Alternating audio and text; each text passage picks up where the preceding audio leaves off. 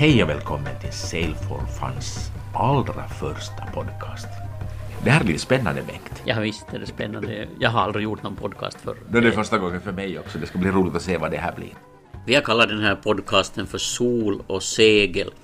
För det ska handla om segling och segling kanske framförallt i Grekland. Och det ska handla om sol och värme och skön natur. Och så lite vind förstås när det nu handlar om segling. Jag heter Tommy Mård. Och jag heter Bengt Klemets. Vi är alltså de som är bakom Sail for Fun och, och vi älskar att segla i Grekland. Och vi har börjat för, för ungefär tio år sedan, 2006-2007. Eh, och eh, seglar nu tre, fyra, fem veckor i året i Grekland. Ja, varför gör vi det då egentligen? Jag kan säga exakt när, när min vändpunkt var. Det var, vi skulle segla från Vasa till Umeå i Sverige. Och vi kom ut på Kvarken och seglade nordvästlig riktning. Det var 14 meter i sekunden, motvind förstås. Och eh, 7 grader på termometern den första veckan i juli. Frös som en hund och jag tänkte jo, jag älskar att segla men någon annanstans där jag inte behöver frysa. och då blev det Grekland tillsammans med dig. Men vår avsikt är alltså att göra flera podcastavsnitt som handlar om att segla i Grekland och, och, och, berätta om allt från seglingsområden till hur man kan segla där och hur en flottilla går till och berätta lite om väder och sånt. Så vi hoppas ni kommer att följa med oss och, och fortsätter också att lyssna på våra avsnitt. Mycket av den här informationen finns ju också på vår hemsida sailforfun.fi e, eller på Facebook förstås men, men här kan ni höra oss och kanske få lite extra kryddor också i det vi berättar. Men varför har du börjat segla? Överhuvudtaget, no, jag har alltid haft en dragning till hav och vatten. Men de facto började jag började med båtliv först när vi flyttade till Borgo som ligger vid kusten och då beslöt vi oss att vi ska också ha båt och började då med en gammal mahognybåt, som vi, motorbåt som vi var jätteintresserade av och tyckte om. Men så småningom blev det lite för mycket jobb att hålla den vid liv och samtidigt så var det faktiskt du som erbjöd din gamla segelbåt och då slog vi till. Ja, en Albin Express Bellanova hette den. Eh, sen kunde jag köpa en lite större så jag har en H323 985 lång, alltså knappt 10 meter. Då, som också är från 82. En, en gammal skön dam med då över 30 år på, på nacken. Men sen blev det segling i Grekland. Du köpte till och med en båt där. Ja, då, det var nog en följd av, av en slump egentligen. att vi råkade vara på en båtmässa och titta på många fina stora båtar. Och, och vår dotter som var då en åtta år så hade plockat med sig en broschyr som handlade om att köpa in sig en charterbåt. Och på den vägen blev det och sen dess har vi seglat fyra, fem veckor varje år i, i Grekland och stod, njutit faktiskt av det, att få vara där. Men det är ju inte bara sol och, och värme som gör att vi, vi seglar i Grekland.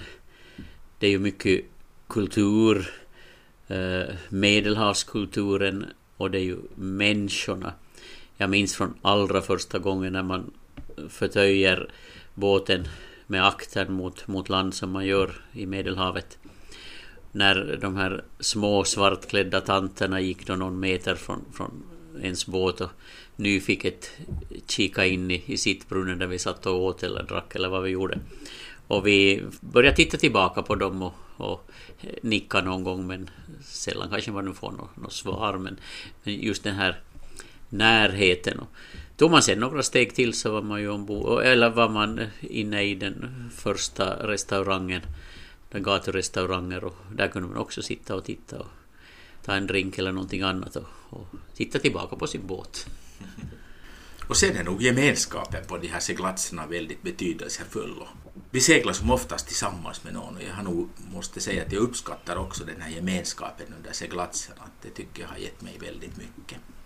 Men förutom att sitta på taverna så är, finns det också mycket att se på. Det finns sevärdheter från antiken som, som allt från den här fina amfiteatern i Epidavros till, till Poseidon-templet vid Kapsunion eller templet ute på Egina.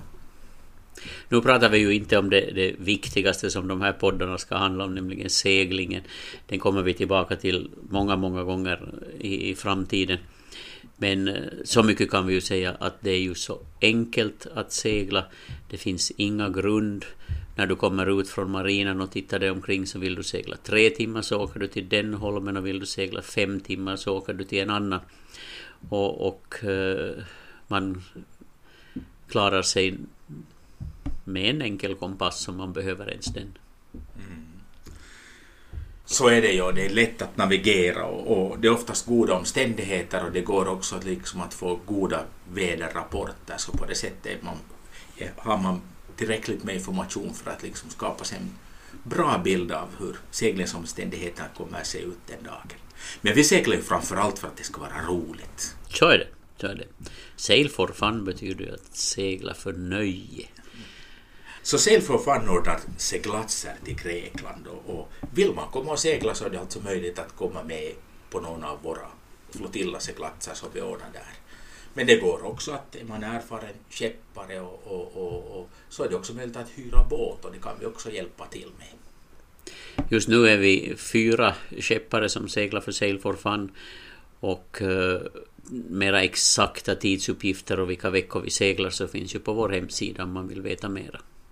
Och vill man hyra båt så kan man via oss hyra en del av, av Dreamjust Charter som har alltså då baser omkring 20-30-tal länder, allt från Karibien till, till Thailand, till eh, Sydafrika, till hela Medelhavet.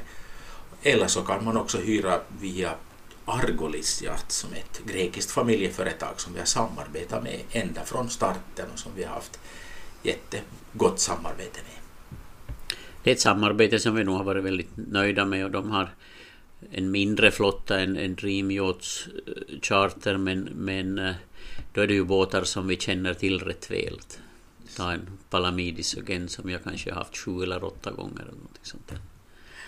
Argolis Yacht har då baser förutom i Grekland också i Turkiet och, och via deras eh, förmedlingsverksamhet så får, har vi också tillgång till många andra mindre bolagsbåtar både i Grekland och runt om i Medelhavet. De första gångerna som, som jag seglade så, så tog vi den enklaste vägen att flyga från Helsingfors till, till eh, Aten och sen 20-25 minuter med taxi till Avrion där vi fick vår charterbåt så småningom på lördag eftermiddag. Man byter ju på lördagar alltid båtar i, i Medelhavet. Eh, men det finns ju också andra ställen det finns det ju. Åker man till exempel till västra Grekland så kommer man, finns hela Joniska havet som är ett fantastiskt ställe att segla till. Och, och öster igen finns då Dekanesen, alltså områden kring Kosso, Rhodos och där, där man också kan segla. Sen har vi också Cykladerna som man också når när man flyger till Aten och, och åker ut från Lavrio.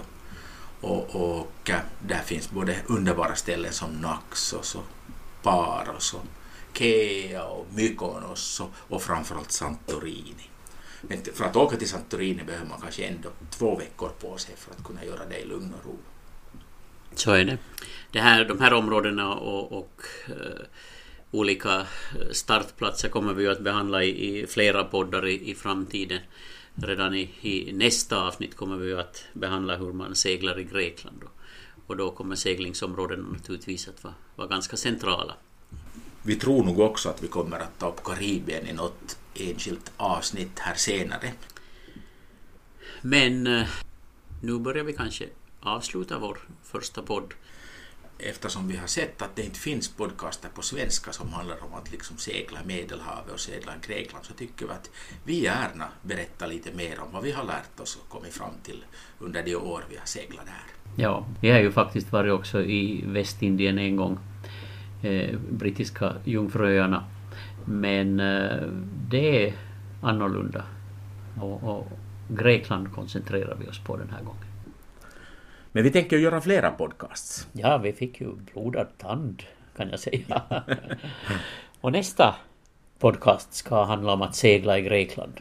Då tittar vi mera hur, i detalj hur det går till när man seglar där och hur, hur allt från ruttplanering till allt annat.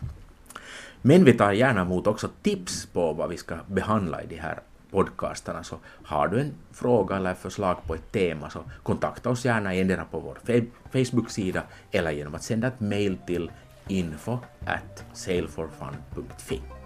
Så, det var allt för den här gången. Vi hörs igen. Tack för att du har lyssnat ända så här långt. Ja. Hej!